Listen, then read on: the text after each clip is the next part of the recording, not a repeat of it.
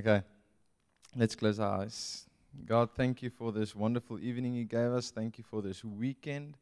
Um, thank you that you kept us safe. Thank you for your grace upon our lives. Thank you that you give us friends, you give us family, and you give us people in our lives who, who we can share life with. Um, thank you for joy, for friendship, and just for fellowship this evening, for being here. And I ask that you will help me bring your word over to the people and open our hearts, open our ears for the message that you give us tonight. Pray it in Jesus' name. Amen. Awesome. I hope you all are excited. I'm excited. Uh, I want you to take a look at this picture we have behind us. Those of you who can't see, put on your glasses. Um, but if you look at this, it looks like quite a mess now. But you can see it's like a lot of people. They're having they're having some food here in the front, and they're at the back. They're sitting on couches, and it's people with gray beards and robes and stuff like that. So that's that's a picture where where Jesus is having dinner with some people. Now there's washing of feet happening, and there's a lot of stuff happening in that picture, which we will go through as the evening proceeds. So tonight I'm going to read to you from, from Luke 7. It's verse 36 to 50. So if you want to, you can take out your phone or your tablet. If you forgot it at home, I'm sorry. Uh, then you can just read with me. So I'm starting at verse 36. When one of the Pharisees invited Jesus to have dinner with him, he went to the Pharisee's house and reclined at the table. Now, now a Pharisee, as we have heard along uh, a few weeks ago, they don't really like Jesus. They didn't like anything he did. They heard a lot of stuff about what Jesus did as he goes around, but they didn't like it. So now this Pharisee invites Jesus, and all over the Gospels you read, the Pharisees invited Jesus to dinner. And the question the whole time comes up why did the Pharisee invite Jesus to dinner? Now, you think that maybe perhaps there's a chance that they actually liked him. You know, for who he is. He's a kind man, he, he does well, and he always means well, but they didn't like him, okay? They hated him. And now, Piet spoke on Luke 14 last week. Who of you can remember? Anybody? Yes, two, three people. Yes, Piet, do you remember your sermon? Okay, he remembers. Okay, now now they actually shared a meal with the the leader of the one of the leaders of the Pharisees now. And as you read this passage, passage, you will see that maybe the reason why the Pharisee invited him is not because he loves Jesus, it's maybe because he hated him and he wants to see his downfall. He wants to see if what the people are saying are true. Might he be this great man, or is he not this great man? Is he a false prophet? Is he a prophet? Um, can we believe what he says? And and then this passage of David comes to mind. It's Psalm 23, verse 5, which says, You serve me a six course meal right in front of my enemies. And, you know, Jesus knows this. Jesus knows the Pharisees didn't like him. He's like, Okay, I will go to the house of my, my enemy. I will try, I will love him. And, and Jesus goes and he knows the intentions what the Pharisees have. Now we, we go on. A woman in that town who lived a sinful life learned that Jesus was eating at the Pharisees' house. So she came there with an alabaster jar of perfume. Now, just to take it back to the woman who lived a sinful life will never be found in the house of a Pharisee.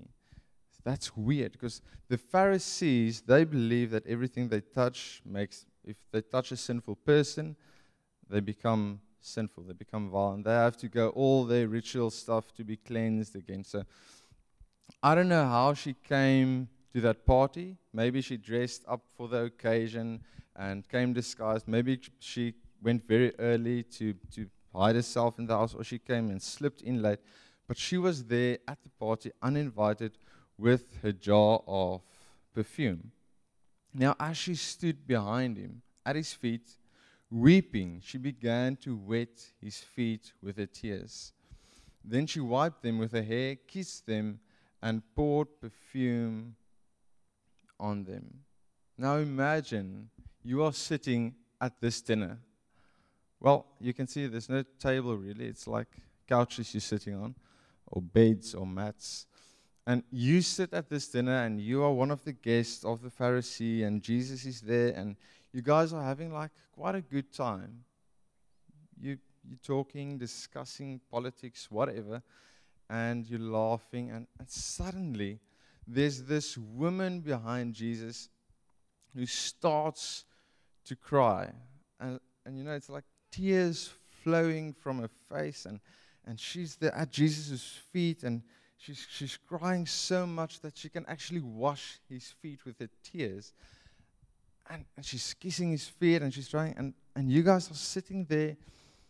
What are you thinking? Like, while she's doing this, you guys just had an awesome time, and now this girl, woman, is taking over the whole conversation with her crying and nagging and whatever she's doing at Jesus' feet. And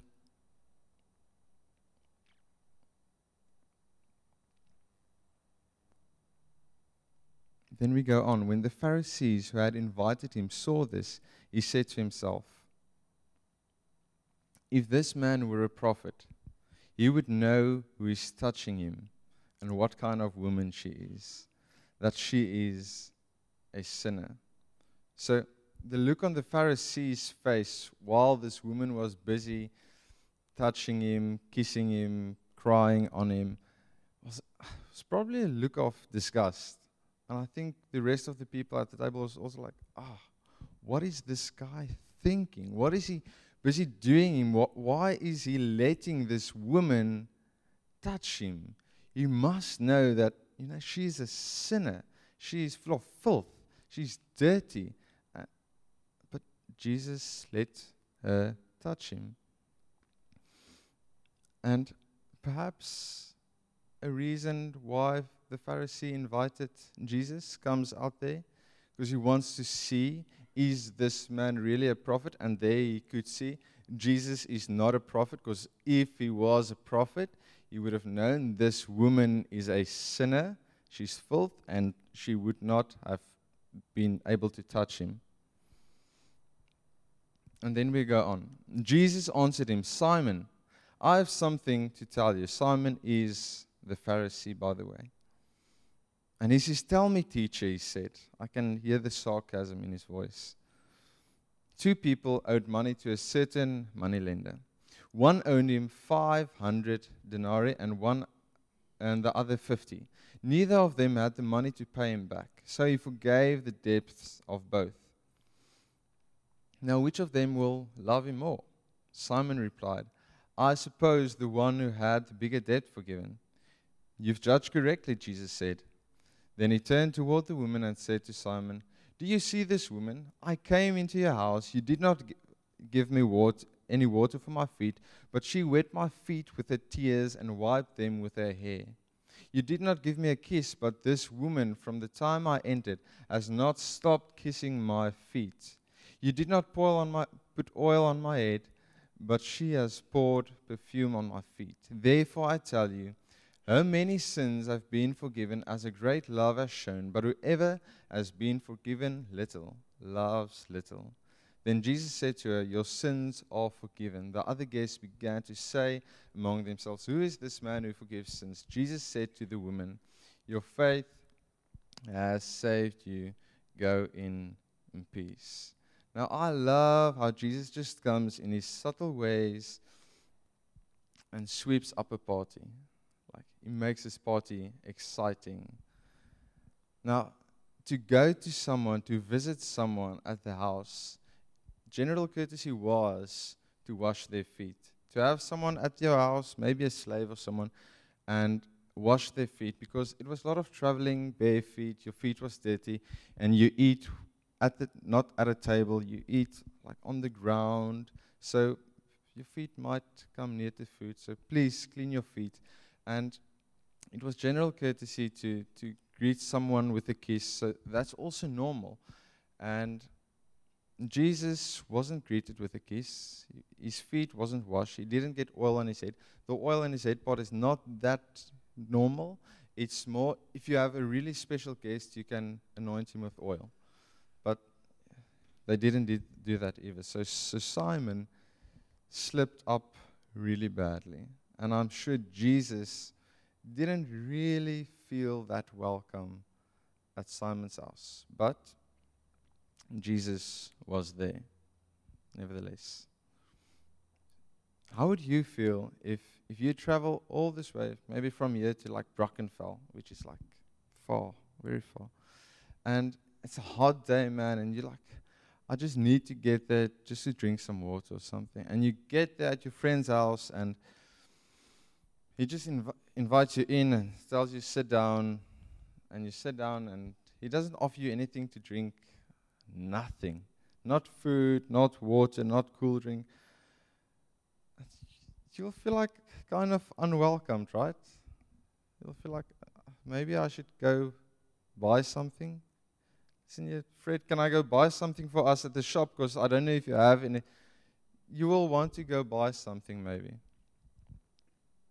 Now remember that if you invite me, please offer me something to drink.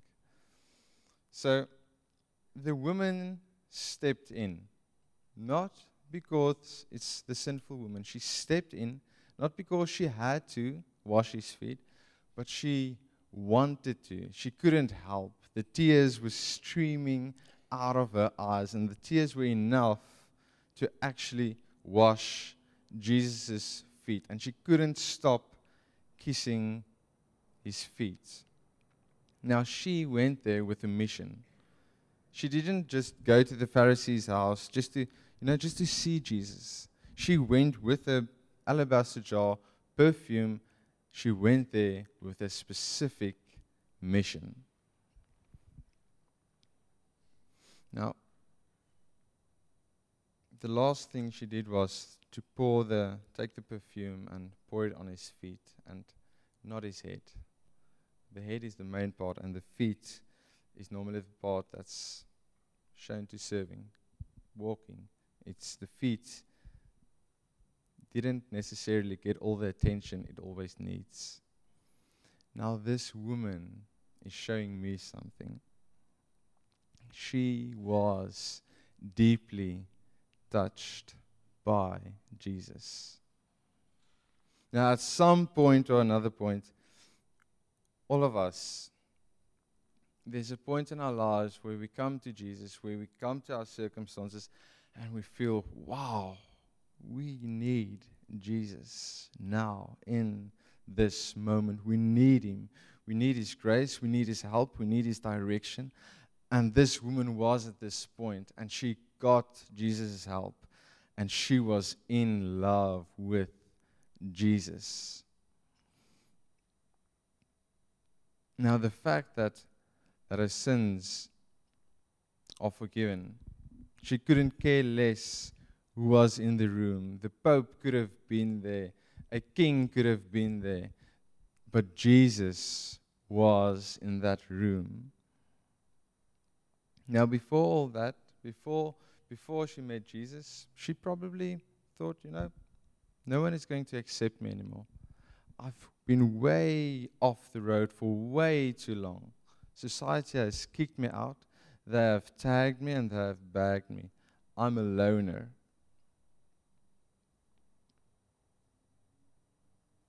I think a lot of us has felt that way before. Alone. Too far off. I've done too many things wrong in my there's no way I can turn again. Now you might have let some people down. I know I've let some people down in the past. In the past week or two weeks, we have let people down. We've done bad things. We've done the wrong things. People have judged you. You have judged other people. You have treated people in the wrong way, not the Christian way. And you feel you are in this hole and you are stuck in this hole and you know you'll never come out of this dark place. And then Jesus comes along. Well, Jesus has been there all along. But then you realize, wow, Jesus is here with me in this dark place where I am now. And you realize you are not alone. You realize that you are loved. You realize that He wants to be in a relationship with you. And that woman realized it. And then when this happens to you, when you have this epiphany that Jesus is with you, you are not alone, that is when you get moved from the inside. And that is what causes me to love, is to know not that Vickers loves me, not that my wife loves me, it's that God loves me for who I am, and then I can love other people because of that. Now, when we become aware of, of what He has done for us, the normal, the first thing is like, ah, oh, I'm such an idiot. Look at my life. Look at what I've done. It's, I'm, I'm full of this guilt and this shame, and it's not supposed to stop there. It's not just this, you're not just supposed to be aware of all the things that you have done wrong and all this guilt inside of you you are supposed to stand in awe of who Jesus is. Stand in awe of what He has done for you. Stand in awe of His grace upon your life. Take a moment and breathe it in. This morning, Pierre touched on the rush of, of this lifestyle of our life. And, you know, we have a time for lo- a lot of stuff in a 24 hour day. We listen to the Sunday morning sermon. We go home, we have lunch, we go shopping, we do some chores around the house. Um, we watch a series or two with dinner, and you know, you finish for bed, and boom, you you're into dreamland, and your day is finished.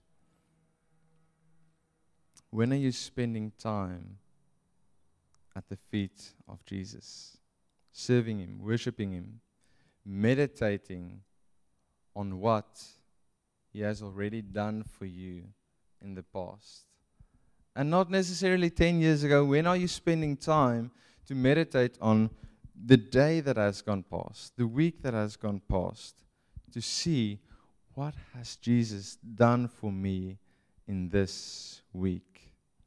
Now, in John 13, I'm, I'm hopping to John 4, 13, verse 35 to 34 to 35. He says, Let me give you a new command. Love one another in the same way I loved you. Love one another. This is how everyone will recognize that you are my disciples when they see the love you have for each other. Now, this sinful woman couldn't help but love Jesus. She gave him all she had. Her perfume was a life. She gave him her perfume to wash his feet. Now, my question is how are you showing other people, the people closest to you in your life, if your life is such a rust, how are you showing people love? We don't have time to, to eat a meal with friends. We hardly have time to eat meals with our families. And, you know, I, I, I wish I could have helped you, but I don't have time because I'm, I'm busy working 10 hours a day just to, just to get by. So, so no, really, I, I can't help you. You know, loving and worshiping Jesus is not just about being at the church one time a week, praying your evening prayer, reading your Bible. It's also about serving people. It's about loving the people around you. And not just those specific ones you chose, the four people, those people you love. It's about loving there where you go, at your work, at your college, at university. There where you go, there you love the people around you. Can those, and maybe you should ask a friend at some time, can those around you see that you are a follower of Christ in the way you love other people? When we're going to take the seven minutes tonight to, to meditate, to think about what Jesus has done for us in the past, to think about what it means for the future, I want you to meditate not on your whole life. I want you to meditate on this week that has gone past and think about things, what Jesus has done for you either if, if it's through someone, if it's through a song that he spoke to you, if it's through a preacher, a message, or something, and you needed some upliftment, you got it. What Jesus has done for you in this week. And if you want to be brave, share it with a friend. In the seven minutes that we have when we use communion, think about your week, meditate, and then maybe, if you want to, you can share it with a friend. Let's bow our heads.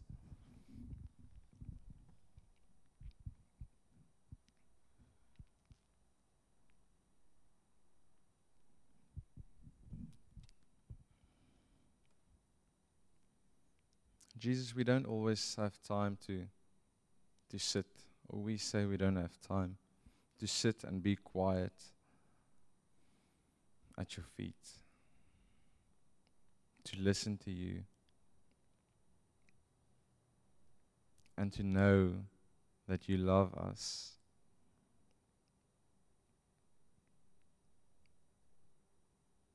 Help us to make time, God, just to take the time and think about wow, again, I'm awake, I'm healthy. It's a new day ahead of me.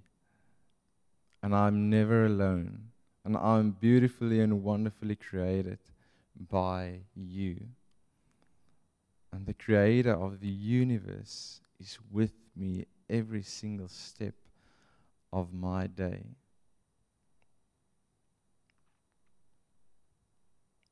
God, it's, it's not always easy for us to love people around us because we it's so easy to get irritated by people on the roads, on the way to work, our colleagues. It's so easy to get irritated. But help me, help us to show your love to those around us. I pray this in Jesus' name. Amen.